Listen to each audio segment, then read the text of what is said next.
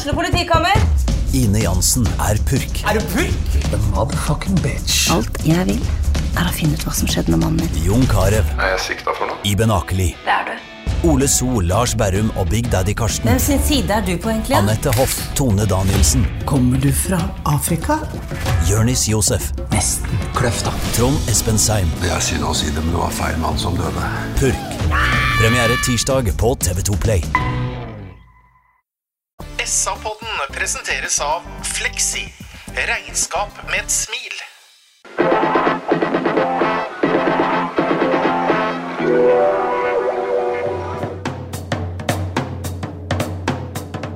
Sarpsborg Arbeiderblad gir deg en ny episode av SA-podden med Sven René Nygård, Øystein Weber, Petter Kalnes og Bjørn Inge Bingen Nilsen. Her er SAs uh, fotballpodkast SA-podden. Nøyaktig fem uker før uh, Bodø-Glimt kommer til Sarpsborg stadion for å spille serieåpning mot uh, Sarpsborg 08. Vi har her i studio en herremann som heter Bjørn Inge Bingen Facebook Nilsen. Hei! Hei, hei. Det betyr at du er nå på Facebook, Bingen. Åssen føles det? Jeg må si at det, var, det er større jobb enn jeg trodde. Det er, eh, det er 24-7, rett og slett. Ja, det er som uh, vips når du har små unger. Åssen er det med deg, Svein René Nygaard? Nei, Nå får ikke jeg like mye spam som Bingen får på Facebook, da, men eh, det, det går veldig bra med meg. Men det er jeg litt skuffa over. For Bingen var jo uken nedpå Marbella der mm. på den treningsleiren, og jeg har aldri sett Bingen så blek noen gang. Så hvor han har sittet igjen der, det, det lurer jeg på. Jeg var også på samme treningsleiren, og jeg så jo ikke Bingen, selvfølgelig, for han var jo på steder som vi andre ikke var. Hei, Øystein Weberg. Hei, Peter. Går det bra med deg? Veldig bra. Går du mye om dagen? Fortsatt går jeg masse. Veldig bra. Vi har uh, mye å preke om. Vi har bl.a. fått en hel rekke spørsmål fra ivrige lyttere, og det er vi veldig glad for. Uh, vi kan starte med det jeg allerede spurte om. Det er et bra spørsmål fra Tom Jø, som du koser deg på Facebook, og det har du allerede svart på. Kosa meg på Facebook. Ja, Oi, det er bra. Men vet du hva, gutter? Vi skal starte med å snakke om eh, det som skjedde på Sarpsborg stadion søndag ettermiddag. Sarpsborg 8 møtte et uh, Mosselag som var litt sånn trist, syns, syns jeg, Sven. Men den ble grundig rundspilt, og Sarpsborg vant uh, veldig fortjent. Ja, den ble litt sånn uh, overraska fillerista, tenker jeg da, Mossingene. For jeg hadde trodd liksom Det er jo som regel sånn når Moss og Fredrikstad de laga møter 08 til eventuelle treningskamper, så eh, betyr det mye for dem, og de pleier å henge med ganske brukbart. Men eh, det, det ble liksom satt en standard fra første minutt i går, hvor de beleira 16-meteren til Moss. og store perioder i går så syns jeg det var eh, en del interessante ting. Jeg syns det flyter ganske brukbart offensivt om dagen, og så kommer vi sikkert inn på andre ting senere hvor jeg heller er litt mer bekymra, hvis jeg tenker det defensive. Selv om ikke vi ble satt på store prøver i går, fordi ja, føler meg ikke helt trygg der ennå, jeg, da. Så men mye, mye bra i går, altså skal ikke ta fra dem det i det hele tatt. Ja, Tenker du da organisasjonsmessig, Sven, eller enkeltspillere, eller i det defensive, mener du? Nei, altså, jeg, jeg skal ikke kappe huet av noen, ja, eh, men vi har jo Jeg syns liksom blant annet eh, på sidebekker, for eksempel, da, så er jeg litt bekymra for det defensive. Eh, De, eh, Soltvedt vet vi jo, eh, som vi har håpet å hylla i fjor, som er ekstremt viktig og god offensivt, men han har jo sine store mangler defensivt. Litt sånn med type Reinhardsen og Kristiansen og de gutta der som har spilt litt der nå, at de jeg, det er ikke, det er ikke turbokjøre på kantene, og det er klart at en motstander kan utnytte defang, eller offensivt begge kantene med dårlig tempo, f.eks., så er jeg litt mer bekymra der. og Det håper jeg de eh, håper å si, arresterer meg for, men eh, ikke helt trygg der ennå. På Vikne, f.eks. Få han frisk igjen, men en mann full av hjernerystelser, vet vi jo om hockeyspillere. også. Få én smell til, så er det nye to måneder. Eh, de beina der, og den farta der f.eks., òg, kunne jeg godt tenkt meg tilbake. Hva tenkte du i går, Øystein? Du var jo til stede på stadion. Jeg tenkte at dette var ganske solid. Du har naturligvis rett eh, i forhold til at eh, vi skal ta motstand i betraktning osv., men det er jo et lag som tross alt har rykka opp til det som er definert som toppfotball i Norge, da, de to øverste divisjonene. Og det var rett ut sagt helt klasseforskjell. Eh, når 2-0 satt tidlig der, så trodde jeg dette kunne bli mye mye styggere for Moss enn det det ble. Så en er jo best i absolutt alt. Og så er det jo som Sven sier, at det er, det er eh, flere ting også selvsagt også sette fingeren på. Men du skal, du skal ut og levere, selv om det er en kamp hvor, hvor alle forventer at du skal styre og vinne. Og det er ingen tvil om at den både styrte og vant veldig, veldig fortjent. Mm. Bra. Jeg eh, drar inn eh, Geir Amundsen her, som har sendt oss et spørsmål. Uh, Geir Amundsen, tidligere idrettsleder og uh, ikke minst veldig aktiv som sponsor. Vi går tilbake til uh, de glade 80-tallet og Sparta ishockey. Der var også Geir Amundsen hockeyformann. Men han lurer på, Bingen, hvorfor var du så utrolig negativ etter i den forrige poden? Geir mener at oppkjøringa så langt har vært mye bedre enn det du ga uttrykk for da.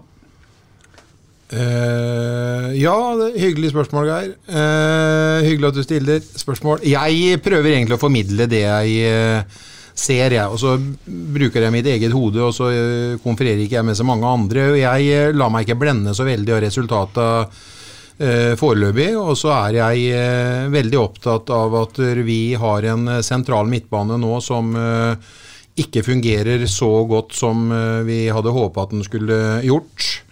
Vi har spillere i avgang som, eh, som, og spillere med tretthetsbrudd i junior som eh, normalt sett skulle spilt den. Vi har henta en foreløpig en stjerne fra Sverige som er temposvak, og som ikke passer inn i eh, Eller kommer fra Danmark, med en svensk spiller, som ikke passer inn i systemet vårt.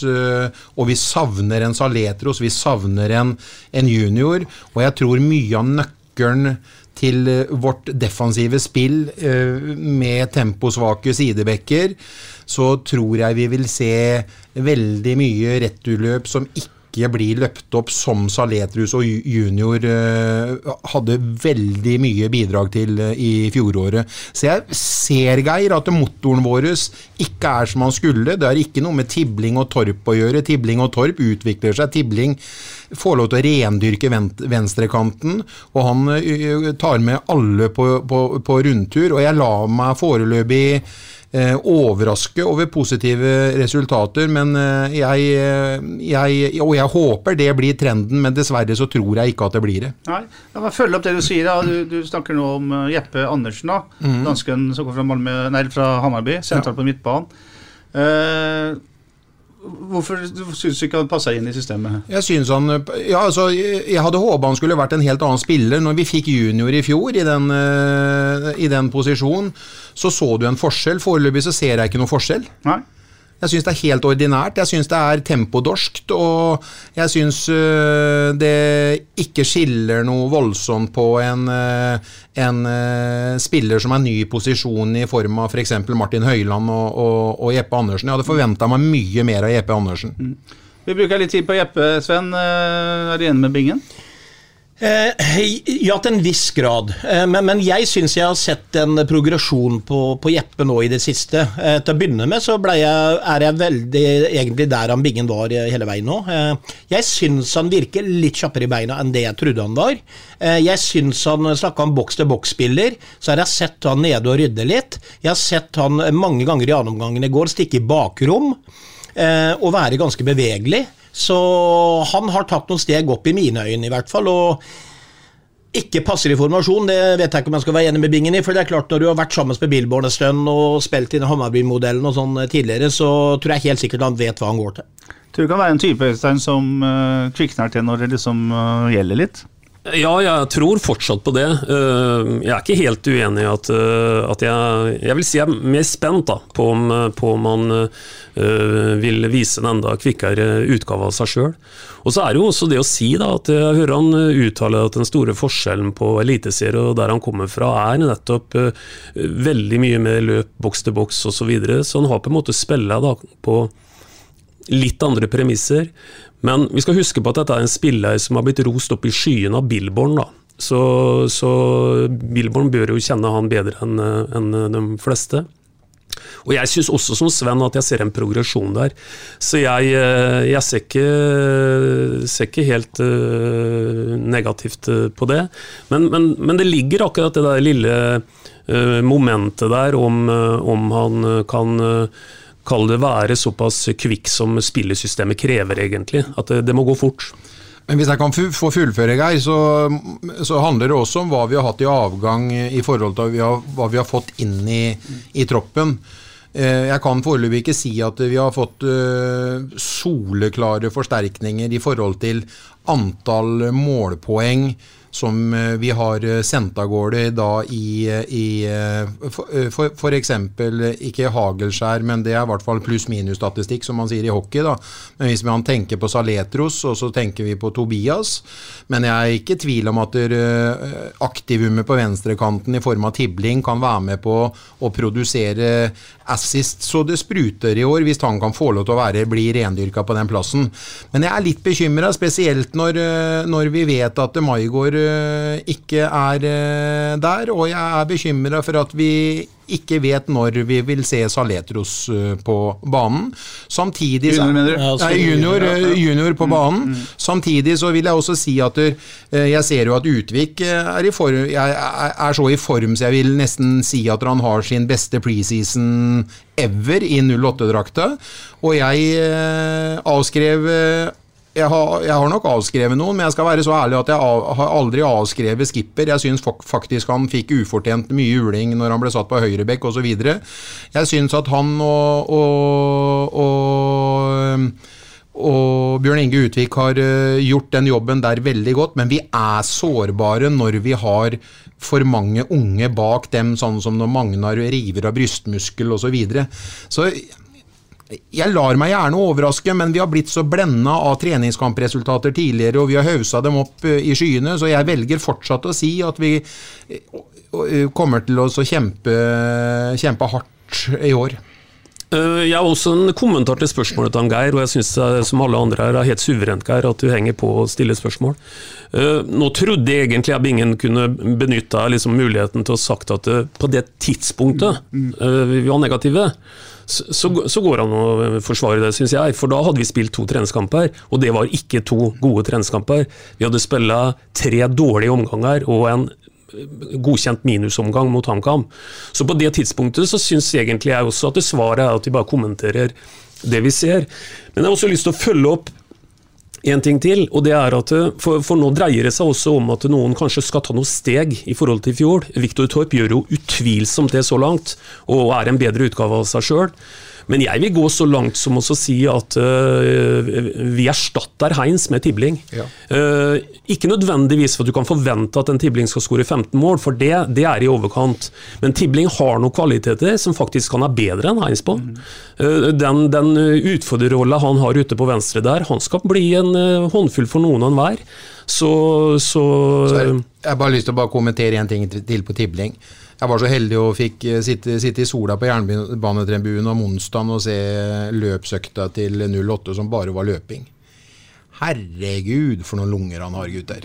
Han er jo bare helt, han bare flyter over gresset, og den lille mann, han legger ned noen meter, og det er jo ikke noen faktisk som følger han. Hvis ikke jeg eh, hadde synsbedrag, men det, var, det er snakk om flere lengder på tre kvarter, altså.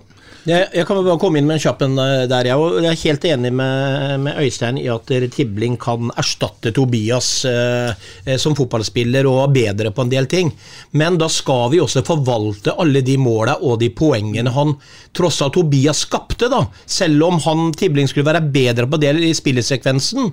Får vi, vi 20-25 poeng av Tibling, liksom, som blir forvalta videre? Det er jo ikke Ja, sikkert. du kan jo svare på det spørsmålet fra Tom Jøs, du, Øystein. Bridge- og håndballhelten, vil jeg nesten si. Tom Jøs. Uh, han spør kan Tibling få en uh, Heins-sesong. Ja, Det spørs litt hva han mener med det. Jeg tror det er for mye forlangt at en venstrekant skal kopiere 15 mål, for det var, det var ekstremt. Men, men jeg tror at uh, Tibling tilfører noe mer. Han, eh, han har den kvikkheten i seg, eh, den eh, hurtigheten i seg, som overgår det Heinz hadde. Og, og det kan være et våpen i seg sjøl. Og nå, nå har ikke jeg fintitta på alle poengene og måla vi har fått i år, men jeg syns jo Tibling er involvert i nesten alt vi produserer framover. Legg merke til også i går når, når eh, Fardal på slutten av kampen får en lang løpeball som er litt for lang for Fardal på 32-33 og løper helt inn sjøl. Han slår den på tvers over, for hvem kommer der? Der kommer Tibling, etter et langt øh, løp. Og, og, og øh, jeg skjønner det Bingen sier, at øh, den gutten der har svær motor, altså. Vi leter etter det måla, altså dem som bl.a. den 15. til Tobias, da, eh, Sven. Eh, Tommy Jøs også om eh, du tror, eller vi tror da at Viktor Torp har et tosifra antall eh, mål i seg. Han har gjort fire så langt i treningskampene. Ja, Da kan jeg hilse til Tom Mjøs og takke for spørsmålet og si at det tror faktisk jeg. Fordi han, har, han, kom, han er så involvert i, i, i det offensive. Han har skåra mål i år. Han går på skudd, og alle vet hvilke skudd han har. Så når den ketsjupflaska der åpner seg ordentlig, så er det ingen tvil om at han kan ha det i seg. Det fra en midtbaneposisjon, eller en hengende spiss, eller hva han kommer til å bli etter hvert. da. Så det, det har jeg faktisk tro på. og Jeg var tidlig ute på forrige podd og si at det er den som eh, tar det største steget i år, som kan bli en enorm faktor for 08, hvis han holder seg skadefri, det er det nettopp Torp, tror jeg. Fordi han er, eh, han er spennende, altså. Det vi så mange ganger i kampen mot Mossbingen, det var jo at uh, Soltvedt, uh, Viktor Torp, altså Soltvedt som venstrebekk, Torp som uh, hengende spiss og Tibling i fellesskap skaper mye med, med veggspill, med overlapp, med innlegg, med skudd osv. Det er vel litt av Billborn, det Billborn ønsker, er det ikke det? Jo, og jeg Jeg må tenke litt. Jeg, jeg, jeg, jeg er redd for å bli for negativ, også, men vi sammenligner det her, her dem vi skal ut mot i Eliteserien med Moss nå. Og jeg ser at kombinasjonene satt veldig, veldig bra i går. Og det er ikke noe tvil om at der, dem du nevner har et fortrinn i forhold til å være tekniske, tek tekniske spillere som har fine føtter og ser spillet framover på banen. Og det er jo der Soltvedt òg har for seg, si. han. har jo en vanvittig fot, og han får jo helt sikkert en seks-sju assist i år, Soltvedt, på foten sin. Det er jeg helt overbevist om. Kanskje han skårer to mål, to-tre mål òg. Og får du det av venstrebekk, så er jo det helt fantastisk, spør du meg. Uh, de har det, men vi må ikke glemme nå at vi skal ut og spille mot Bodø-Glimt og Molde og Vålerenga og Rosenborg og Odd og Strømsgodset og de lagene her. sånn, altså Vi spiller mot uh, presentivt litt uh, svakere motstand nå i, i, går. Selv om vi røk for dem i cupen i sommer, så gjør vi det. Så jeg, jeg, jeg, jeg, jeg syns det er veldig positivt at vi klarer å se det, men jeg skulle gjerne sett det i eh, videre utover, da, når vi skal spille mot sterkere motstand. Jeg må være så ærlig å si det. Ja, men Du, du har jo rett, Binge. Nå Ikke tillegg oss at vi sier at vi skal ut og spille mot Moss, altså. For det, det er vi jo tydelige på. Ja. Moss er et eh, ja. antagelig et lag som ja. skal kjempe for å overleve i Obos. Punktum, bare så vi har sagt det. Men det er ikke mer enn en uke siden vi var ganske gode mot Odd, da. Borte, og hvor vi egentlig i den kampen øh, har progresjon gjennom hele kampen og, og, og, er faktisk klart best i annen omgang. Er fordel å vinne, Øystein. Veldig, veldig bra. Så helt inne med Bingen. Men jeg er litt klok av skade igjen. Ja, er det femte året vi har på den nå, eller sjette året, femte året? Faen om et år så tippa jeg faen, 70 Vi, vi snakka jo om 70 poeng og sånn, vet du. Vi er jo helt på trynet når vi skal melde, melde det greiene her, sånn. Så jeg håper at jeg tar så kraftig feil i år, jeg, nå at det blir helt snudd på huet. Nei, altså, jeg, jeg, er fortsatt enig med deg, Bingen, at vi, vi har ikke noe høydere som i mine øyne per i dag som kommer til å, å ja, det, Nå er jeg negativ, da, men vi er ikke på øvre halvdel med gjengen vi har per nå. Og det var jo akkurat det som Øystein sa i stad, som du òg fikk kritikk for, og jeg var sånn forrige gang. Vi var så negative på den poden, for vi sa vi er Selvfølgelig er vi, for, er vi svakere nå enn det vi var. Ja. Og, det, er, det, er, vi jo for at vi mista våre beste spillere, og vi har jo ikke fått noen uh, særlige erstatninger. Og, Det var jo det vi var negative på, som Øystein prøvde å påpeke også. Mm. Så, vi, vi, trenger fortsatt en stopper, vi. Vi trenger gjerne en offensivt meget god spiller til, i hvert fall. Og så må vi da få tilbake folk fra skade, og så må de holde seg friske. Så kan dette her bli spennende. Men da, det, da skal både folk bli friske, vi skal få enda litt mer kjøtt på beinet med en par nye. Og det, det, er jo langt fram der, da. Så hvis ikke vi får det, så er jeg enig med Bingen. Jeg tror ikke vi kommer til å kjempe om europaplass med den gjengen per nå, men uh, vi kan jo selvfølgelig ta skammelig feil. Mm.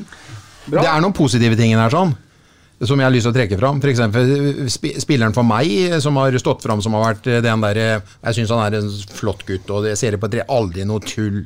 Gjør jobben sin er det noen som kjefter, så snur han ryggen til og bare går inn i neste en. Og det er Martin Høiland. Han syns jeg vi har virkelig ja. har sett og har krumma ryggen og, og, tatt en mulighet både som stopper en kamp, og han har spilt på midtbanen. og Jeg syns han gjør jobben sin. Eh, går inn, dekker rom, skjermer ut. Det er aldri en motstander hvis han er først inne i en duell som klarer å komme rundt han og ta ballen. Sterk i kroppen, bra balanse. Gjør han det enkelt for seg sjøl, altså, og slår til, eh, til presentivt bedre offensive spillere enn det han er sjøl. Og så tar og så innfinner seg med den der Tord Holmgren-rolla, mm. hvor at mm. han skal eh, skinne mer defensivt. Jeg kunne Han syns jeg eh, hadde vært spennende å se i sammen med junior, for å si det sånn.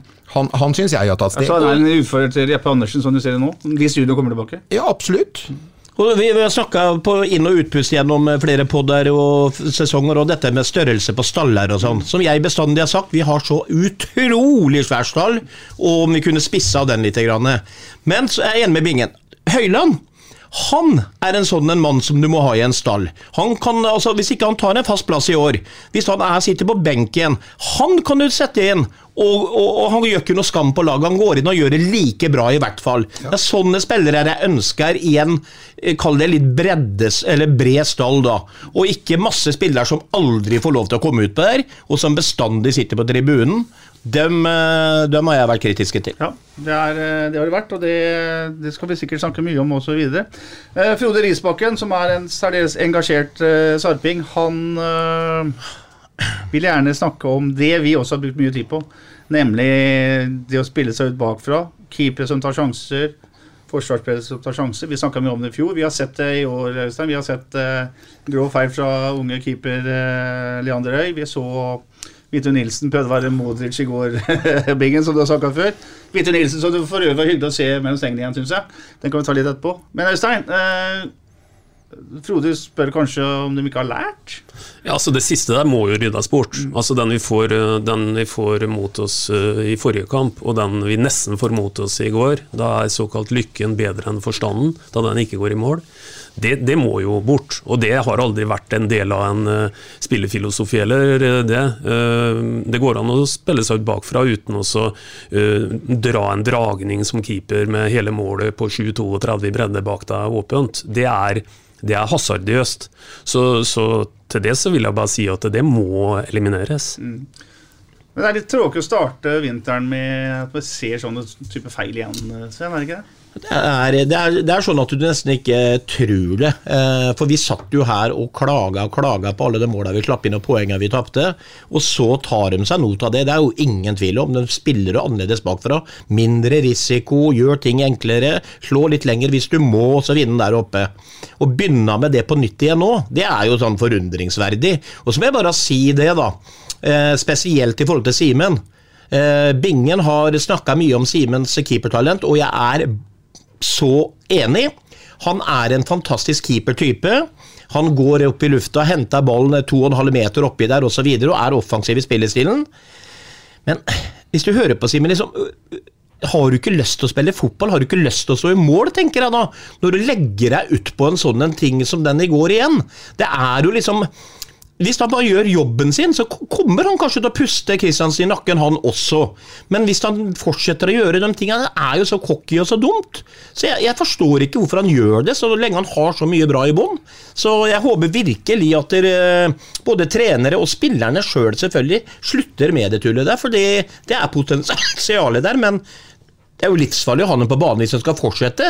Enig med Øystein. Den der i går, at ikke den traff det Mossebeinet og gikk rett i mål, det er helt fantastisk rart. Så det er jo helt hasardiøst. Det er ingen tvil eh, Bingen, at Simen Witte Nielsen fortsatt har eh, selvtillit nok da, til å gjøre sånt noe som eh, Eller gjøre så mye ut av hver gang han har ballen i bena. Simen er rusten av nå. Han, han, har vært lenge borte, han har vært skada. Han fikk kjørt seg kraftig i Eliteserien i fjor. Og det skal en ganske sterk ryggrad til for å bære den julinga han fikk i fjor eh, i Eliteserien. Samtidig som han har vært gjennom en rekvalens nå i vinter. Og vi har jo nesten ikke sett den på banen før han står nå mot uh, Moss. Og vi ser grepet hans like før slutt, mm. f.eks.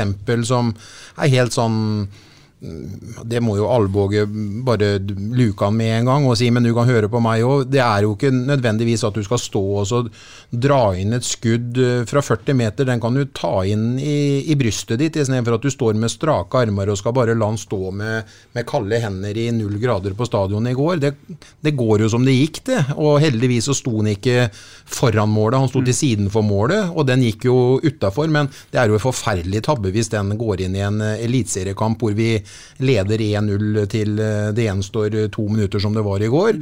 Sånne tingen må vi luke bort. Og så er jeg enig i at den der eh, dragningene og driblingene bakifra som det blir nesten mål av, det må man også kutte ut. Men jeg er helt overbevist om at Simen Hvitu Nilsen kommer til å bli en sykt god keeper. Men selvtillit, det er noe du spiller på deg, Simen. Det å bære bære på seg eh, en selvtillit eh, når du, har, når du, ikke har gode prestasjoner, den er vanskelig å leve med som, eh, som keeper. Men hvis du er rustenbingen, som du sier, ja. da, og du bærer en, en stor bør på for, fordi han gjorde en del sånne ting i fjor ja, ja. Er ikke det enkleste for alle idrettsutøvere da, hvis du er rusten og gjorde de feila i går, jo. at du, du, du tenker og du liksom gjør ting enkelt da. For, ja. for, han gjorde jo ikke det i går der. Men han gjør mye bra i går, ja, sånn som Petter jeg, jeg, jeg sier. han er, er offensiv i feltet, han har fin fot osv.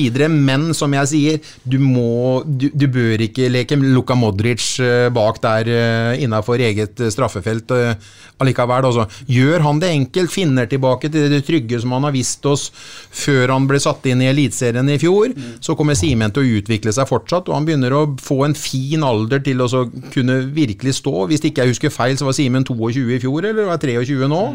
Så, så han, eh, han, eh, så det forresten på Facebook at han var 23 i forrige uke, mener jeg. Ja. Facebook, ja, ja. Så, så, så Simen kommer, men eh, det er Anders som kommer til å stå i år. Nå, har han vært så, nå er Anders så godt trent i fysikken sin, så han ser ut som en, en vektløfter i, i, kroppen. Han bruker alle de skadeperiodene sine i en alder av over 30 år nå til å bare komme tilbake i en enda bedre fysisk form hver gang han bry, ryker leddbånda i tommelen eller tar menisken eller han, han, er, eh, han, kommer til å stå så fort han er tilbake igjen. Og han er tilbake forhåpentligvis i løpet av Hvis det ikke er noen komplikasjoner nå, så kan det hende han allerede står til, til helga. Ja, og så tenker jeg Vi skal kanskje ikke lage dette større enn det er, da. For uh, i den midttørkeperioden vår i fjor, så så vi jo veldig mange av de episodene vi nå uh, snakker om. Vi har ikke sett mange av dem i år. Vi har de to vi nå uh, eh, snakka om, i to forskjellige kamper.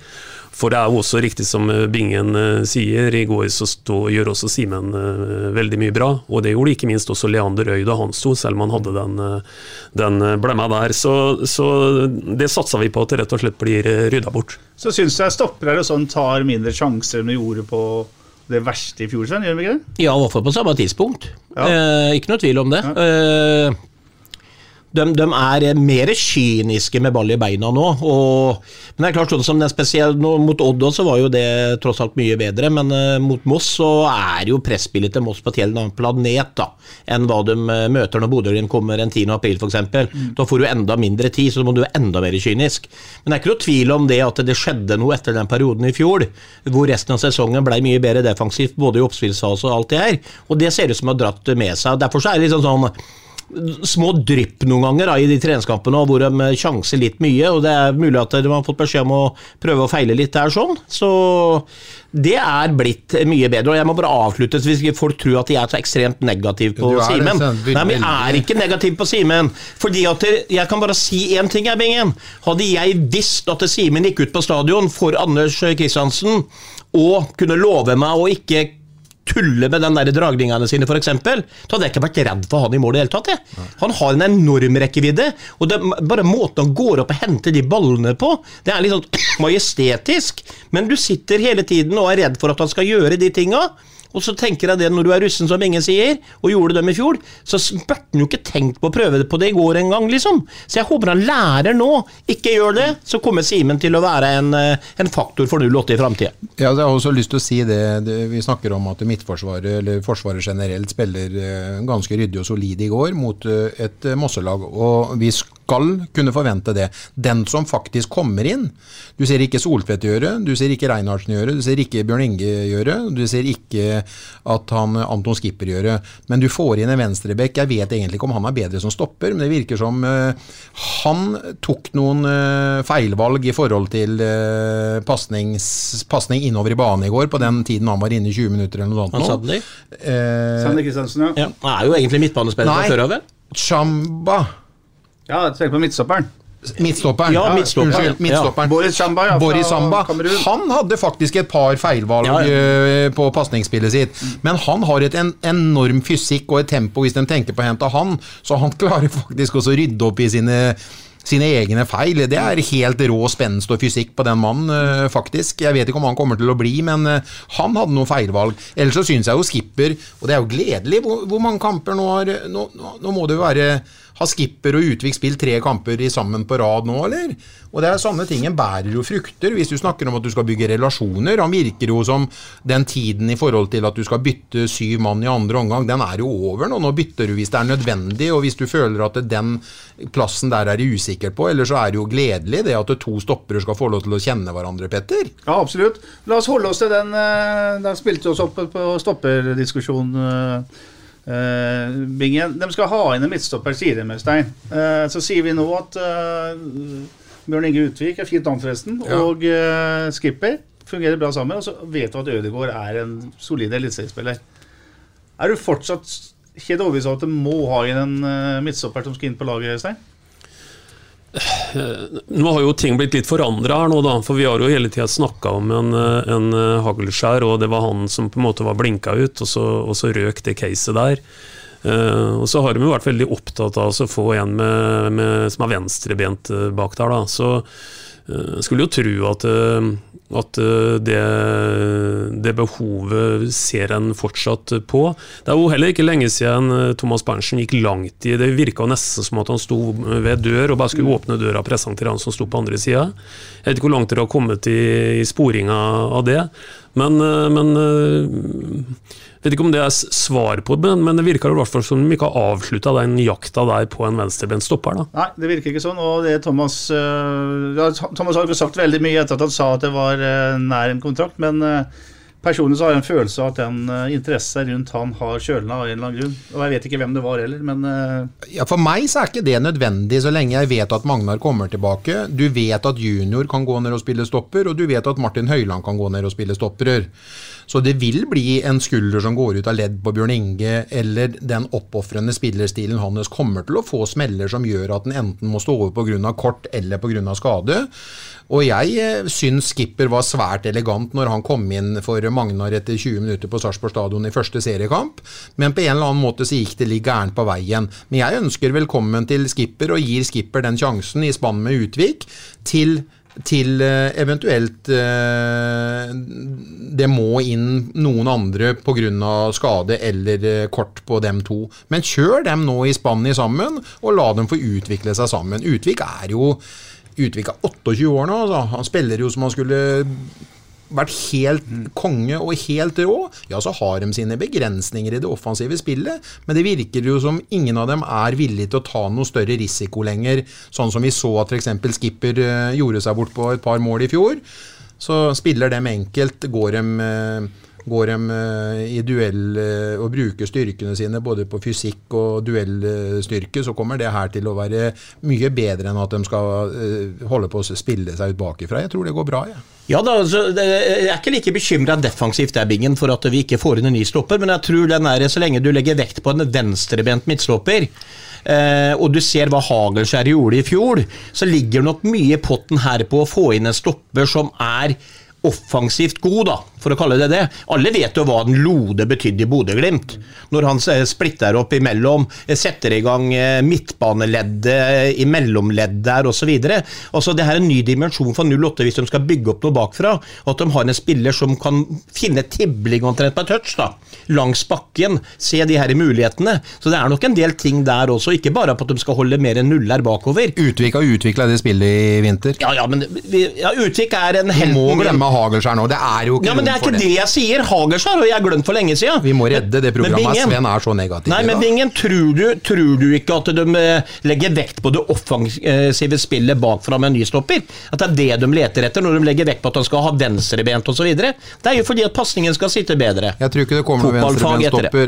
Det kommer til å bli med dem vi har, og så satser vi på at det det går bra til det motsatte er bevist. Og det er jeg enig i. Så blir det sånn som vi har opplevd nå de siste åra, at det eventuelt, hvis det er nødvendig, så kommer det til å skje noe til sommeren. Ikke sikkert det kommer en ny stopper, men jeg sier at en av tankene dømmes, tror jeg ligger på at den stopperen som skal komme inn, skal bidra mer offensivt. Økonomien i norsk fotball er tøff, økonomien i, no i Sarpsborg 08 er tøff, og det er eh, Jon Andersen i Spillerinvest eh, har et eh, stykke i avisa med SA i helga, og det er ingenting som vi bør tvile på. at Hadde man hatt midler, så hadde tingen vært løst med hagelskjær. Det er jeg helt overbevist om. Sven, eh, noe av det mest interessante jeg har hørt i vinter, det er at Stefan Bilborn sier at han eh, er mer opptatt av å ha en venstrebent midtstopper enn en venstrebent sidebekk. Altså, han, han syns det er så viktig, og da er det som, som du sier, det handler om det offensive, selvfølgelig. Eh, det er jo en liten ny dimensjon i fotballen. Glem Sarpsborg 8 akkurat nå. Det er faktum at de skal ha stoppere med hvert sitt foretrukne ben, for å si det sånn. Ja, ja, og det, er, det handler jo, som jeg prøvde å forklare i Bingen, da, på, i forhold til faget der, Mm. sånn at det skal bli bedre offensivt, ikke sant? Altså, En venstrebent stopper har mer mulighet til å vinkle de ballene rett i, i forhold til medspillerne sine. Og fotballen er under enorm utvikling. Bare liksom Uten samling for øvrig, sett dere og se på Arsenal, se på City. Spiller med venstreback, han spiller med fire bak. Venstrebacken Sjivsjenko, f.eks., han er sentral midtbane når de har ballen i laget. Så her er det hele tiden å finne løsninger. Og det er jo derfor jeg sier det. Tanken med at de skulle ha den venstrebente, tror jeg bygger veldig mye på det offensive spillet bakfra, når stopperne har ballen. Og det er så viktig. Ja eller nei, skal Berntsen fortsatt jakte en venstrebent midtstopper? Ja, men så nå, nå må de svare for om de har kontroll, da. At de mener altså Hvis de ikke har pengene, så er, skal de jo selvfølgelig ikke det. De skal ikke hente noe hvis de ikke har penger nok. Men mitt poeng var at grunnen til at de skulle ha ny midtstopper, tror jeg ikke bare er for å vinne flere dueller, men det er for at de skal utvikle det offensive spillet bakfra. Og det er jo veldig logisk det Billborn eh, sier, og derfor tror jeg at de fortsatt jakter på det. For, eh, for en midtstopper i Billborns system er en nøkkelspiller.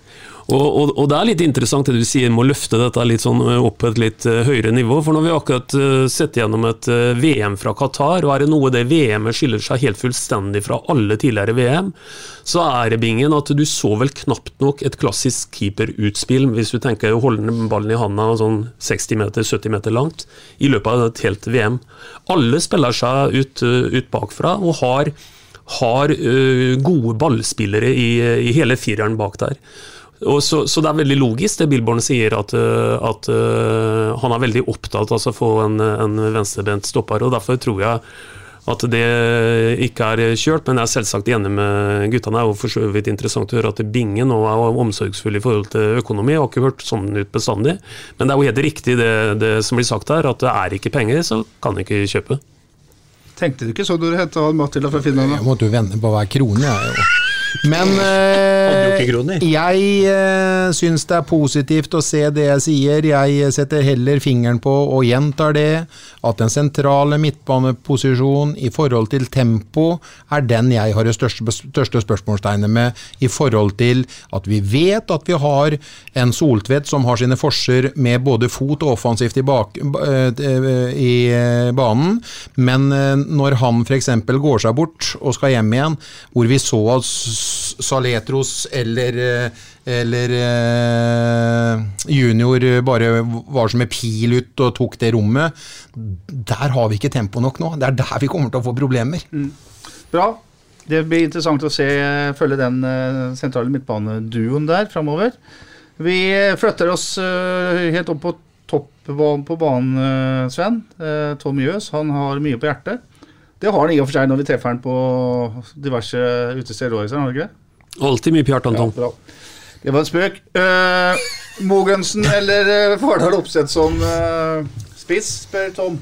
Ja, det er jo et eh, veldig bra spørsmål, Tom. Eh, og så er det også per nå i mine øyne veldig vanskelig å svare på. Eh, hadde dette her vært eh, for en kamp eller to siden, så hadde jeg vel sagt en frisk eh, oppsett. Er mitt klare førstevalg. Eh, det jeg så i går, selv om det er dårligere motsatt, så hadde altså Mogensen noen involveringer der hvor han var tilrettelegger med panna annet, og det bevegelsesmønsteret hans, som, eh, som du ser inne i boksen. Han er, eh, han er rapp, han lukter situasjoner, eh, og så så du på gutten når han skåra i går, altså slapp det 40 kilo fra skuldrene. Det kan være nok til at han nå begynner å pumpe litt inn i treningskampene framover. Så det, det er et veldig vanskelig spørsmål. Det hvis, hvis Mogensen viser eh, den progresjonen han uh, viste fram litt i går, nok en gang mot dårligere motstand, så kan han bli veldig spennende. Men jeg, jeg vet jo det at det er Christian Fardal Opseth veltrent. Han har vært litt skada, og ikke blir skada.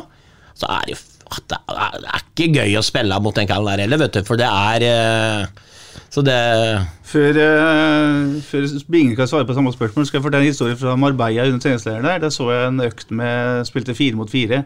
Den der standard uh, på kort bane som alle har vært med på. Med to keepere og store mål og sånn. Jeg har ikke sett én spiller dominere en sånn økt noen gang som det Kristian Fardal gjorde ja. en liten en sånn halvtimesperiode der. Fytte rakkeren, altså. Det, og Da snakker de om å sette ballene i mål når du får sjansen, og der er jo sjanser over hele banen hele tida. Ja. Ja, og så er det, han, han, han, han plasserer ikke bestandig. Han, liksom, han har så kontroll på rista ja, si. Og så en halv vending, og så er det ren uh, strak rist, og så smeller det, ikke sant. Men uh, det gjenstår å se og håpe, da, uansett at Oppsett ikke får strekk i høyre eh, bakmuskel eller vondt i et annet sted. Ja, du ser mye trening her, Bingen. Hva, hva tenker du om Gustav Mogensen? Er den vi håpa på? Han har nok en vei å gå foreløpig. Han hadde jo aldri havnet her hvis ikke han hadde hatt den skadeperioden han, han fikk. Og jeg ser at han er en eh, Jeg har sagt det før, at han er nok en eh, mye mer bakgrunnsspiller. Sånn som at han står fram og så klarer å heade å være, stige så høyt med den spensten sin i går og legge til rette på, på et mål i går, det er jo ganske, ganske fantastisk eh, mot et lag som legger seg så dypt at den finner posisjoner til og med da. Men han er nok mye, mye røffere hvis vi spiller mot et forsvar som uh, står høyere. Og, og finne han i bakrom med foten til f.eks. Torp, uh, Torp da, det, det, er bare for han å lukte, for han har tempo til å både gå gjennom og plassere. Han er ganske notorisk når han får den i bena. Han bruker ikke lang tid før han bestemmer seg, han altså. Uh, så tempoet hans er jo selvfølgelig Det er to forskjellige spillerstyper med han og for, med, med, med, Gustav og han, Fardal. Fardal er jo en, en plasseringssterk spiller innafor boks. Han klarer jo å vende rundt for å få ballen på det beste benet på venstrebenet sitt. Og vende rundt eh, stopper eller bekk i rygg, han, eh, og klarer å skåre. Flest av måla hans er jo fra jeg vil tippe, jeg har ikke noe statistikk på det, men eh, jeg vil jo tippe at han er ganske rå på, på prosenter i forhold til antall mål innafor kanskje 8-10 meter. Det er jo der han har styrken sin. Og nettopp pga. det Bingen sier, at det er to forskjellige typer, så blir dette her ikke noe enten-eller. Det blir garantert et både-og. Uh, og de er ikke, kall det, lenger fra hverandre i Eh, kvalitet som fotballspillere, da, at vi kommer til å ha god bruk for begge to.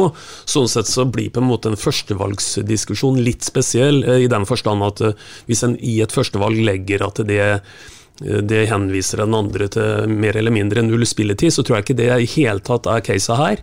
Jeg tror en legger opp til å bruke begge to nesten hele tiden. Altså ikke samtidig, da, men at de spiller 90 til sammen. Ja, også, og, og, og, det i seg sjøl, det er jo en sånn forskjell. Du kan tenke deg du spiller mot Viking på stadion, da, hvor du starter med oppsett som eh, hele tida sniker rundt og går på innlegg og i boks og sånt noe. Og på en måte aldri truer et bakrom, da. Og så etter en 50-55 eh, minutter så tar du ut han, og så kommer du plutselig inn på en fotballspiller hvor Viking da er vant til å slå høyt med laget. Oi, der kom det en som stakk i bakrom. Mm. Så må de forholde seg til det. Og det i seg sjøl er jo sånn taktisk valg som treneren kan gjøre. To forskjellige typer. Én truer, én går på møt. To forskjellige måter å forholde seg til som en midtstopper. Og det er jo en, en, en positiv ting, tenker jeg. Ja, også nå blir jo også sagt uh, under tjenesteren i Marbella at uh, Mogensen foreløpig ikke har 90 minutter fysisk i kroppen, i bena. Og så blir det også sagt at uh, Fardal Opseth pga. sin størrelse da, ikke klarer rett og slett å løpe nok og løpe fort nok i det press, altså defensive presspillet. da. Men- og det er en utfordring for han. Ja, det er sant, men han er, han er ganske Han, han er på, på det beste jeg har sett den i Fysisk sett, 08 ja. i, Ja, ja. i fysikken Ja, ja. sin nå. Han, eh, han bare Det er jo nesten så vidt ikke muskulaturen går ut av huden på han. Jo. Han er eh, fra topp til tå jæklig godt trent nå. Jeg så han var på Ibiza i 86 eh, Hva er spiss, eh, tenker du å spise kampen? Bingen? Ja, har jeg ikke sagt det? Har ikke Ja. jeg, jeg har akkurat vært inne og hatt Ja, du, fem minutter om det. men du sa ikke hvem du trodde, da. Du sa ikke hvem du trodde. Nei, jeg tror det er litt sånn hipp som happ i forhold til uh, høyt uh, Eller forsvars... Om vi skal spille mot eh, mot et uh, lavtliggende lag, så tror jeg kanskje at det er en uh, Fardal Opseth-kamp. Og skal vi spille mot et uh, presentivt uh, bedre lag som står høyere med Forsvaret, så tror jeg kanskje det er Gustav Mogensen. Jeg tror ikke vi kommer til å sette noe spiss. Jeg tror uh, spissene våre spiller ut ifra hvem motstander vi møter. Bra. Det er jo en interessant eh, mulighet, til å kunne bruke eh, spillere eh, mot ulike motstand. Vi skal ta et par spørsmål til, og der er Vegard Olsen og eh, Terje Berby innom det samme. Terje Berby, min klubbkamerat i Tune, og Vegard Olsen, veldig engasjert Sarpsborg 8-supporter, er innom ungdom. Og vi kan oppsummere med spørsmålet til han til han Terje, som lurer på om det dukker opp noen egenproduserte spillere på laget i løpet av 2023-sesongen. Øystein, hva ville du svart på et sånt spørsmål? Nei, basert på alle all mulig erfaring de siste åra, så er det vel mest nærliggende å si at øh, det sikkert er et kanskje et stykke unna. Vi har jo så langt i denne poden ikke snakka om det. Eh, og så er det andre her som følger mer med på treninger og hva som foregår. I, fjor så var det vel en Rakai som, øh, som vi løfta litt fram som en mm. Han har brekt benet. ja, ikke sant. Mm. og så har du Vet jeg ikke helt hvem som skulle stått i noen sånn umiddelbar kø. Sven har jo mange ganger snakka om at han ser en del av disse spillerne her spille eh, annetlagsfotball, og slår vel fast hver gang at eh, det er en eh, lang vei å gå. Men det er interessant det Vegard Olsen kommer inn på her i spørsmålsstillinga si, med at du at du i utgangspunktet noen ganger kan bli tvinga til å kaste inn på noe som du ikke trodde var var godt nok, og så, og så får du en positiv overraskelse. Og som vi også har snakka om på inn- og utpust eh, mange ganger, skal du bli god nok til slutt, så, så må du på en måte også få erfaring. Så det er eh, akkurat det greiene her. Og så må jeg legge til én ting til, eh, Peter. Da får du jo litt ekstra vann på mølla. Veldig mange andre eliteserielag greier jo i hvert fall dette her. Ikke sant? Selv i fjor så eh, altså i fjor så hev jo, som vi snakka om i en kamp, Rosenborg inn på en 15-åring som så ut som han var uh, erfaren som en 30-åring. Så, så mange får til dette her, men om det ligger noen nær i løypa her, er vel nærliggende å svare nei på det, kanskje. Vegard Olsen drar fram et eksempel. Sven fra engelsk fotball. Eh, Oliver Skip eh, kom inn for eh, Tottenham. Skåra mål mot Chelsea. En, eh, en guttunge, for å si det sånn. Det Vegard er opptatt av, er akkurat som Øystein sier, altså, man må få sjanser for å utvikle seg. Eh, la oss ta Markus Velinder da, som et eksempel. Eh, midtstopperen som spilte i Moss i fjor. Eh, er vel linka tilbake til Moss, men i stedet for å satse på han nå, så velger man da f.eks. å hente Boris Chamba på prøvespill fra Kamerun. Hvilke signaler gir det, syns du, til eh, Velinder og til andre unggutter i klubben?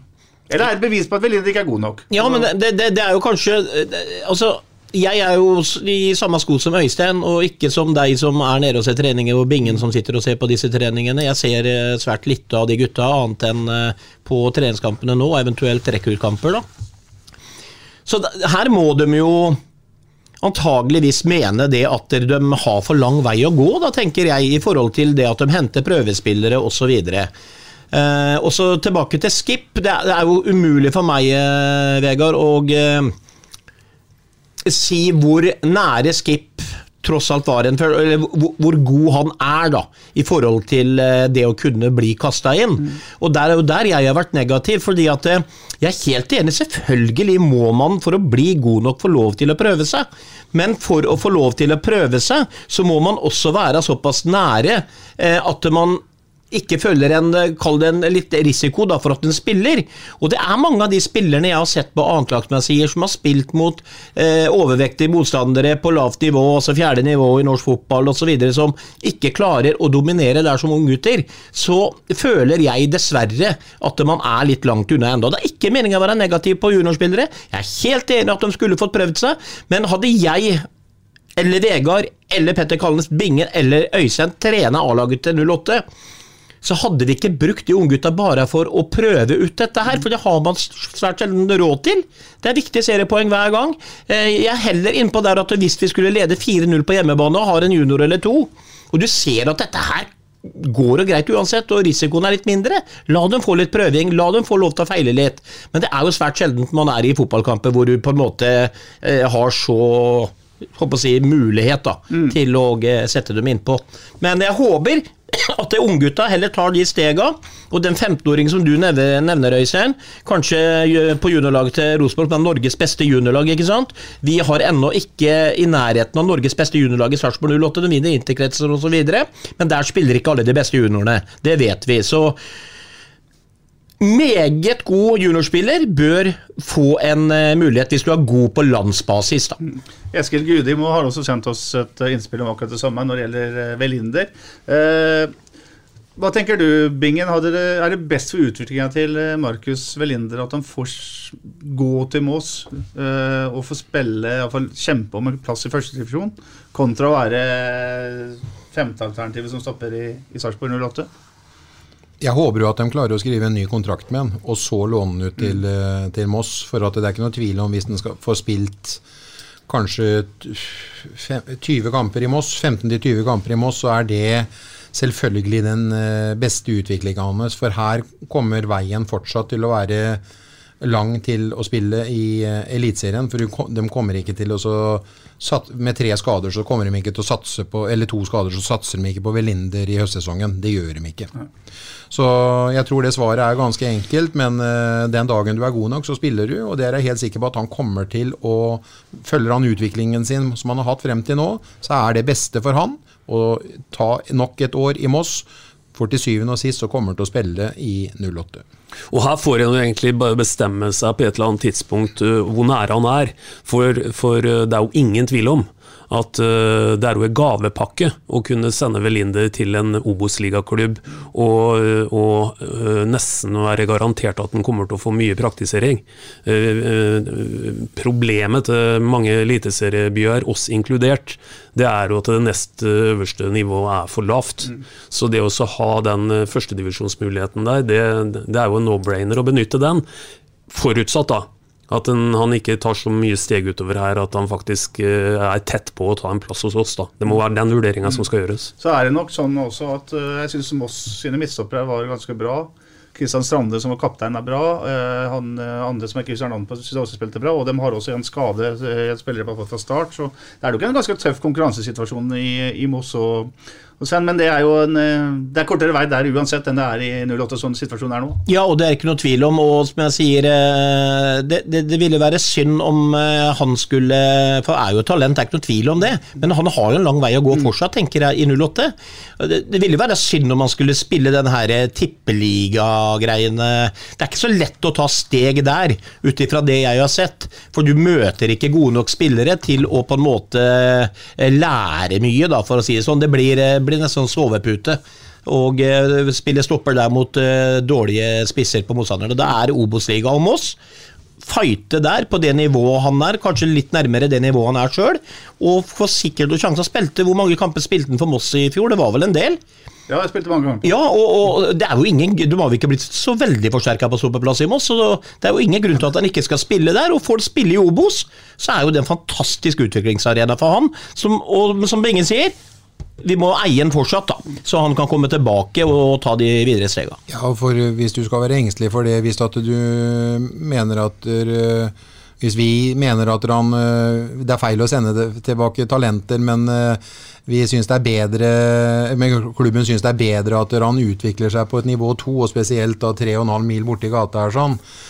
Og hvis vi skal være redde for at ikke han tar plassen der eller da, så har jo i hvert fall klubben gjort det riktig å ikke satse på han i den unge Ja. alderen han er nå. Ja, ja. Det er ikke lett, det her. Det er mange, mange forhold man skal ta. Eh, det som var lett etter eller under kampen i går, eh, hvis ikke man er svaksynt, da, det var å se at Kristoffer eh, Bonsu Ba, prøvespiller fra Ghana, gjorde et eh, et særdeles spennende inntrykk, i hvert fall. Eh, Øystein, Tom Jøs spør om eh, det er bare å gi gutten kontrakt med en gang. Hva tenker du? Vet du hva, jeg tenker at den fort kan bli litt sånn historieløs når det gjelder å gjøre en sånn en eh, vurdering. Og så skal vi jo, vi kjenner jo til ordtaket om å være varsomme med å selge det berømte skinnet for bjørn har skutt osv. Men uh, med fare for å være historieløs, så har jeg aldri sett et bedre førsteinntrykk noen gang på Sarpsborg stadion. Hvis en legger til i tillegg at gutten er 18 år, og at han spiller med ukjente lagkamerater, må vi kunne kalle det da. Vi kasta inn i et system som, som for første gang. Det, er, det var rett og slett heftige greier.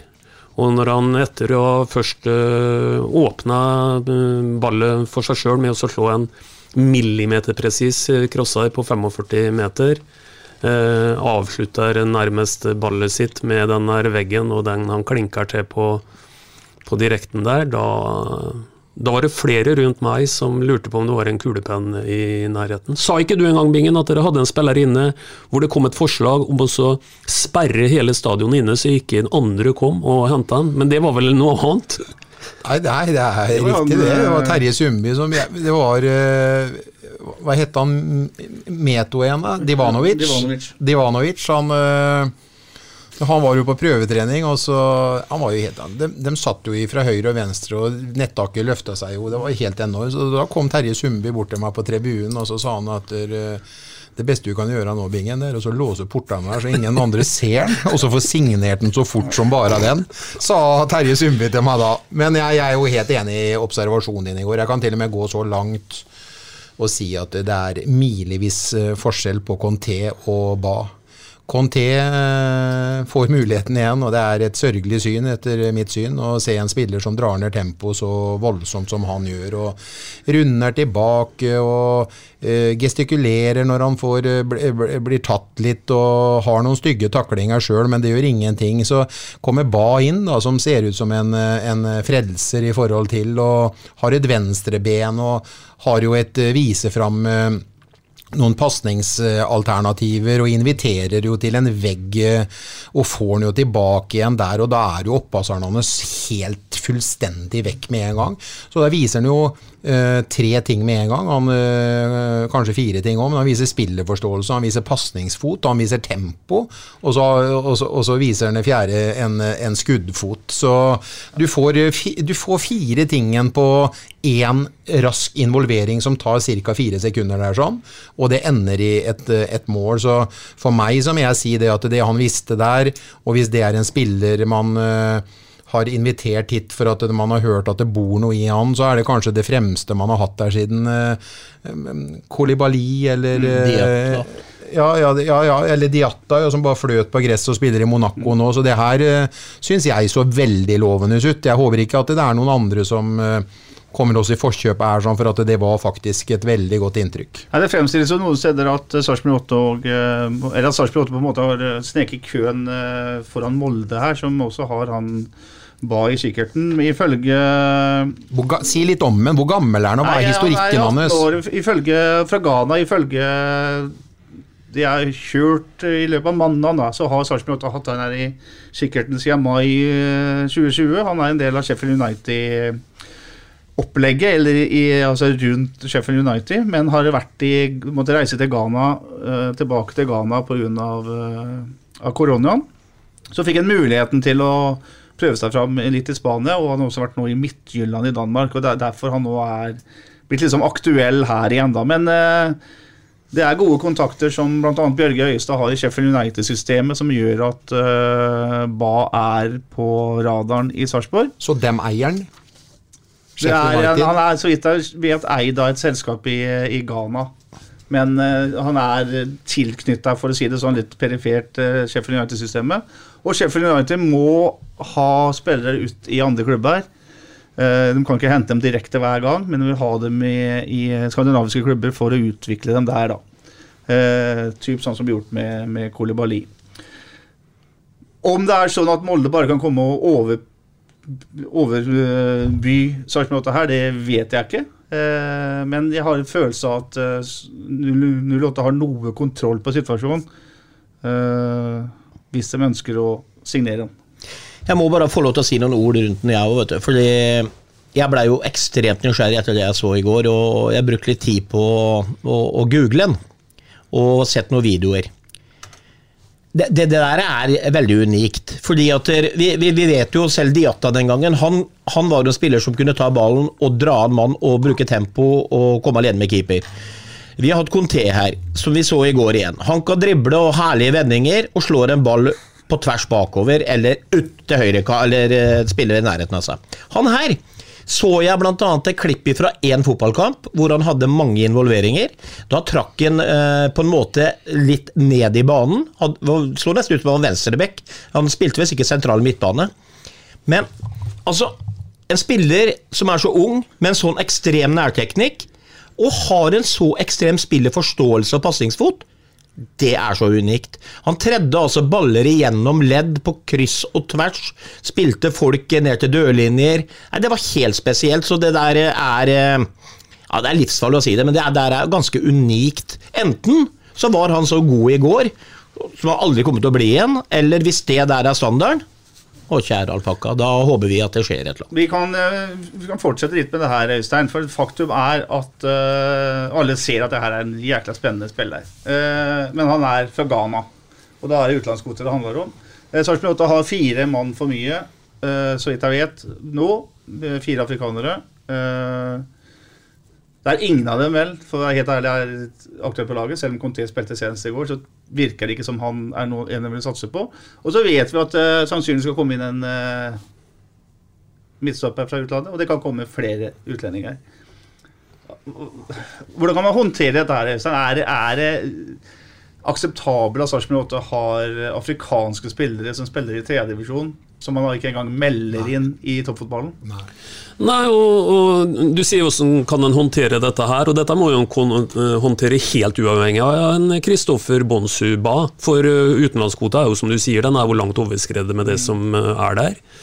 Uh, og det er jo et kjempedilemma, uh, hva en skal gjøre i forhold til det. Uh, det må jo være sånn at det primært man greier å sikre gode utlånsavtaler med med, som en har gjort da, med Jerv, Strømmen, uh, Moss uh, eventuelt, kanskje. Kanskje Moss kan være en løsning uh, også i denne sammenhengen her. Det er jo kanskje noe de skal tenke litt på, for det er klart at det, Mosselaget vi så i går, er jo så mye svakere enn det nivået vi har her i byen nå. at Eh, det kan jo godt hende at de er veldig klar for et par av dem vi snakker om her. Og da er det jo greit å sydd sammen en pakke som også gjorde at eh, når en tross alt har kall det eh, signa så mange, da, at en gjorde hverdagen litt mer håndterlig med at som Bingen sier, det er jo en klubb her rett borti gata her, Moss og Reine.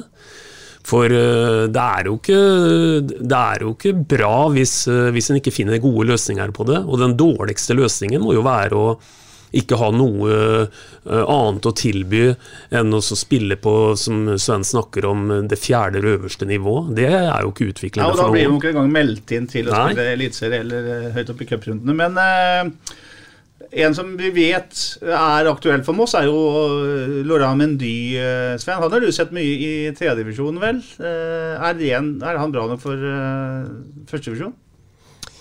Jeg tror han kan eh, klare seg brukbart i førstedivisjon. Han, eh, han er jo tross alt vært en av de spillerne på dette rekruttlaget som på en måte har, eh, i perioder i hvert fall, vist seg fram fra en god side i forhold til mange andre. Og han har jo kommet inn på noen treningskamper og litt rundt A-laget noen ganger. Du ser han har noe i seg. Jeg er litt bekymra for for den fysiske biten der og diverse ting, men han er jo en leken fotballspiller, så jeg tror han kunne kjempa godt om en plass i Moss, på en sentral midtbane der, f.eks.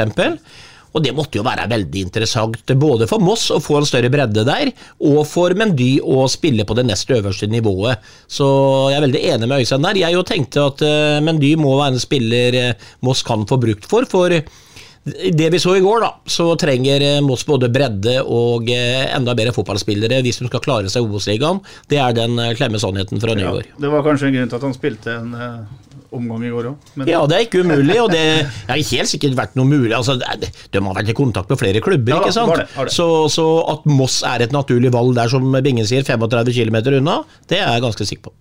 Skal vi si noe, Inge? Ja, til slutt så er det sånn at eh, du må erkjenne vet du, at eh, vi lyktes ikke den gangen her.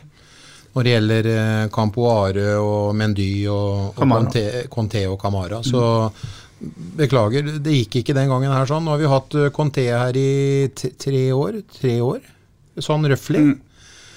Eh, og det utvikler seg jo dessverre ingentingen. Jeg eh, kan godt være djevelens advokat og si det jeg ser og det jeg syns, og så må andre mene noe annet. Men eh, det har ikke vært noe utvikling som er godt nok for at han skal være med på å bidra og heve laget vårt. Han, han, han spiller mer for seg sjøl enn noen annen spiller jeg har sett spille på det laget der. Sånn. Det er ikke noe samhandling med resten av laget. Han, Men det er jo ikke noe framdrift, Nei, ingenting. nei, det er jo ikke noe, det er jo ikke noe Torp, eh, Tibling, Maigård, uh, Soltvedt-kombinasjoner her hvor en vet hvor de står og hvor de får. Ja, Du, du, du, må, du kan jo forvente det uventa hver gang han får ballen. Han, eh, det som er åpenbart framover i banen, det blir jo gjort helt i skamme, og han vender hjemover og spiller en ball på tvers eller noe, noe sånt noe drar ned tempo. Så ja, til slutt så er det sånn eh, at klubben må eh, ta et valg og en erkjennelse at de pengene her sånn, dem, dem brukte vi opp på noen som ikke lyktes nå, men det kommer flere sjanser, og da kanskje en, eh, en Ba er eh, Var det Ba han het? Kristoffer Ba eh, kan være vår, eh, vår, vår nestemann, da. Men jeg tenker da, Øystein, at Det viktigste tross alt er at man behandler disse ungguttene ja. ordentlig. Ja da, og et ut- utlån til Moss, da, for å spinne litt videre på det, ville jo nettopp vært eh, en del av en sånn en, eh, pakke. Da, da kunne jo antagelig noen av disse ikke måtte flytte veldig på seg, f.eks.. Så, videre. så det ville vært en del av en, en sånn en greie, hvor en hadde flytta til en annen klubb som en er veldig familiær med, og som, og som helt sikkert også eh, greier å behandle folk på en eh, bra måte. Bra. Vi har fått masse fine spørsmål fra flere lyttere. Jeg har eh, et spørsmål helt til slutt, som kommer fra Øyvind Roger Pettersen. Som kaller seg ihuga 08-tilhenger, og det er jeg helt sikker på at han er. Eh, han spør om 08 vil gjøre noe stas på Ole Jørgen Halvorsen på den første kampen mot Bodø-Glimt annen påskedag. Eh, han sier at eh, Ole Jørgen har vært en viktig spiller, og han ber oss eh, sjekke med 08 om eh, det er noe på gang der. Og det Jeg snakka med Alexander Kløvsen i Sarpsborg 8, som jo har ansvaret for eh, privatmarkedet. og han eh, sier at det, er, eh, at det jobbes med saken, og at man må finne en løsning som eh, begge parter kan være interessert i å få gjennomført. Eh, Det er iallfall sånn jeg kan tolke det, så er det en, et ønske fra 08 side at man skal gi Ole Jørgen den hyllesten han fortjener. For det klarte de jo ikke da Ole Jørgen spilte sin siste kamp, Sven. Det var er fortsatt en liten skamplett, det der. Ja da, og først bare hilse til Øyvind Roger Pettersen, han kjenner jeg jo veldig godt. Eh, Det, det, det, ja, det, er ting de helt sikkert i ettertid ønsker de aldri skulle ha gjort eh, på den måten der. Det var, var ikke greit. Og er det én som på en måte hadde stjerna i 08 på slutten der, sånn, så er det jo tross alt Ole Jørgen. Han har bidratt så mye for klubben på alle mulige måter, og det er klart at eh, når alle vet at eh, dette er den siste kampen og ikke blir hylla på noen som helst måte, så er det, det, ønsker ikke 08 å være bekjent av i utgangspunktet, så det angrer vi nok veldig på. Så får vi håpe nå da at 08 og, og, og i samarbeid videre, at de kommer til en god, god løsning Det er sånn at han får den hyllesten og, og godtar den på, av, på begynnelsen av sesongen.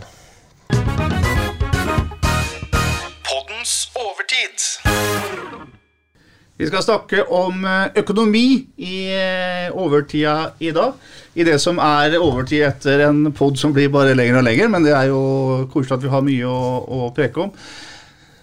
Øystein, vi har snakka om dette temaet før, men jeg syns faktisk det er så viktig eh, at vi skal gjøre det at temaet er så viktig at vi skal gjøre det om igjen. Nemlig økonomien i Sarpsborg 8 i, i relasjon til eh, spillersalg.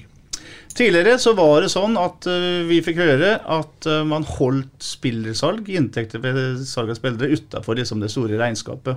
Fordi det var liksom penger man alle kunne budsjettere, for man uh, vet hvor tilfeldig det her er.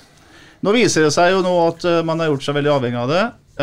Og nå går Rå- Jon Roger Andersen, som er leder i Sarpsborg Spillinvest, altså det som eier 30% av spillerstallen i Sarpsborg 8, går ut og sier at spillersalg er man helt avhengig av.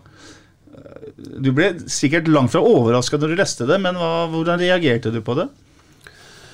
Nei, i hvert fall ikke med noe overraskelse. da. Altså, dette vet vi, jo, vet vi jo mye om. Dette har jo vært veldig åpne om uh, sjøl. Det er bare å spole tilbake til siste årsmøte. Det som uh, vel uh, sikkert overraska flere enn uh, meg der, var jo nivået på det de måtte selge for for å drive i balanse. Det betyr at en over tid har gjort seg veldig avhengig av det inntektsbenet som heter spillesalg.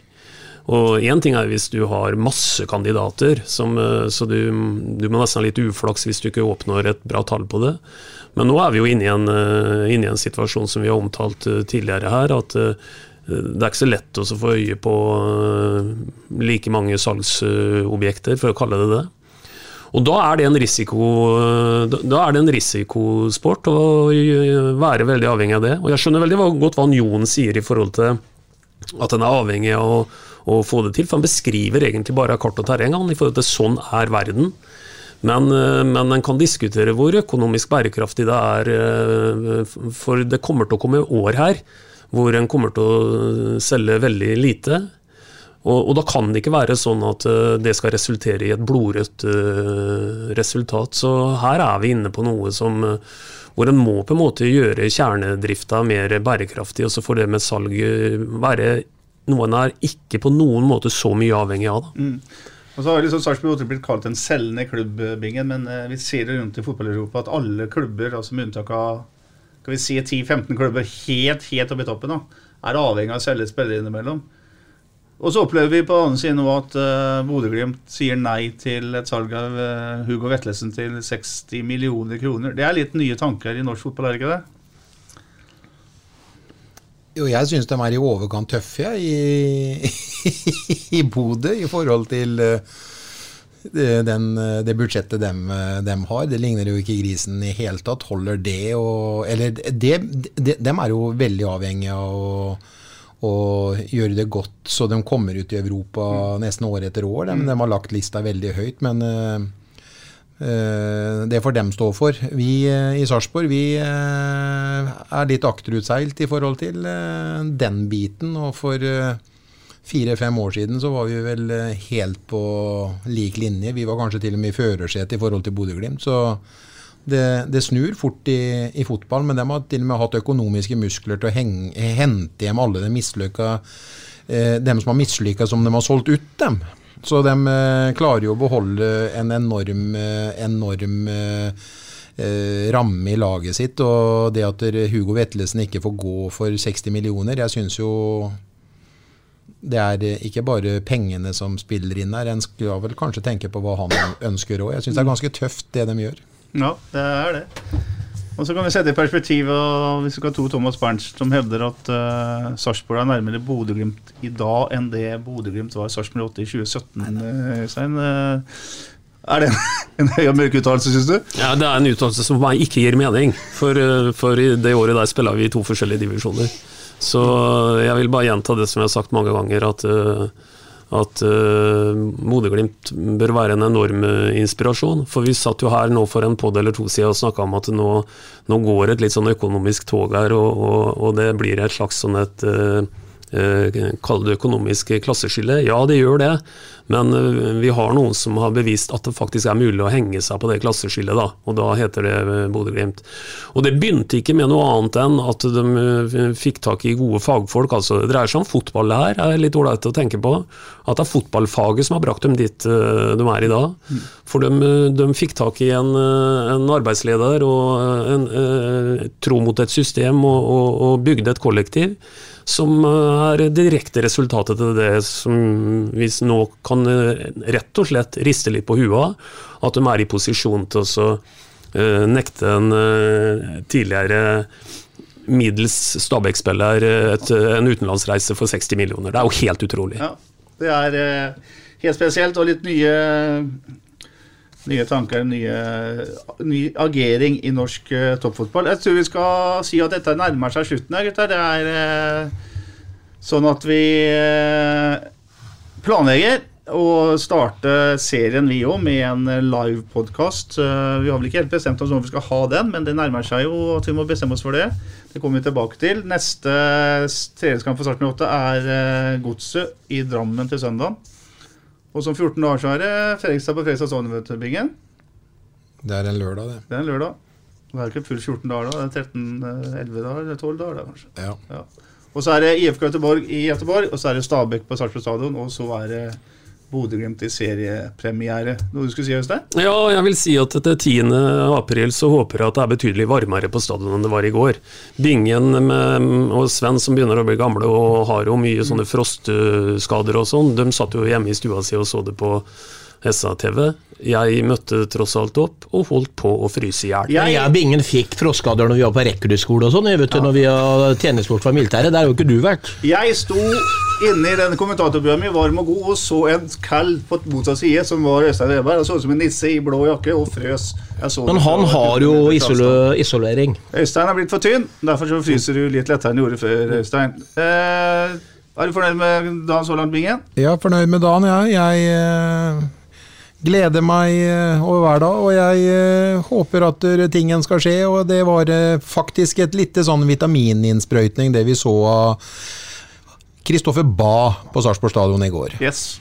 Og så, Bingen, du er, vi har åpna med å si at du er ny på Facebook. Ja. Det betyr også at eh, når du nå akkurat nylig runda 58 år, så fikk du vel sikkert et hundretalls gratulasjoner. Ja. Det var også en ny opplevelse å, å registrere hvor mange som viste omsorg for en gammel mann. Mariann måtte vise meg åssen jeg skulle finne ut av det, så jeg så, ble nesten helt rørt til slutt når jeg så at det var så mange. Du takka alle personer, og du gjorde ikke det? Nei, jeg gjorde ikke det. Nei, du gjorde ikke det. Du har lært det alt. ja. Det lærte ikke jeg meg før etter tre her, år. da, Ja, jeg, takk for uh, Alle. alle hilsener. Den største overraskelsen for meg var at du bare var 58 år. Prekes! Ja, men, ja, vi prekes! prekes. Ha det. SA-podden presenteres av Fleksi. Regnskap med et smil. Ukens annonsør er HelloFresh. HelloFresh er verdens ledende matkasseleverandør og kan være redningen i en travel hverdag. Mange av oss har nok vandret i butikken både sultne og uten en plan for middagen, som ender med at vi går for de samme kjedelige rettene gang på gang.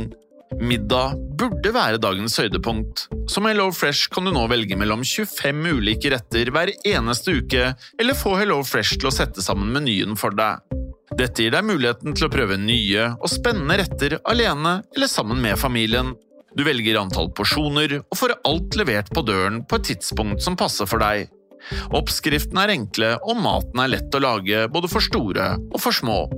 Ved å få alt levert hjem får du også mer tid til å dele matgleden med familie og venner. Kanskje det frister med asiatiske tacos eller greskinspirert kylling? Da kan jeg anbefale deg om å gå inn på hellofresh.no. Her kan du bruke koden FOTBALL og få opptil 1779 kroner i rabatt på de første fem matkastene hvis du ikke har prøvd HelloFresh tidligere. Du kan også bruke rabatten hvis du har vært kunde og stoppet abonnementet ditt for tolv måneder siden eller lengre. Gå inn på hellofresh.no og bruk koden FOTBALL. Har du et enkeltpersonforetak eller en liten bedrift? Da er du sikkert lei av å høre meg snakke om hvor enkelt det er med kvitteringer og bilag i fiken, så vi eh, gir oss her, vi. Fordi vi liker enkelt. Fiken superenkelt regnskap.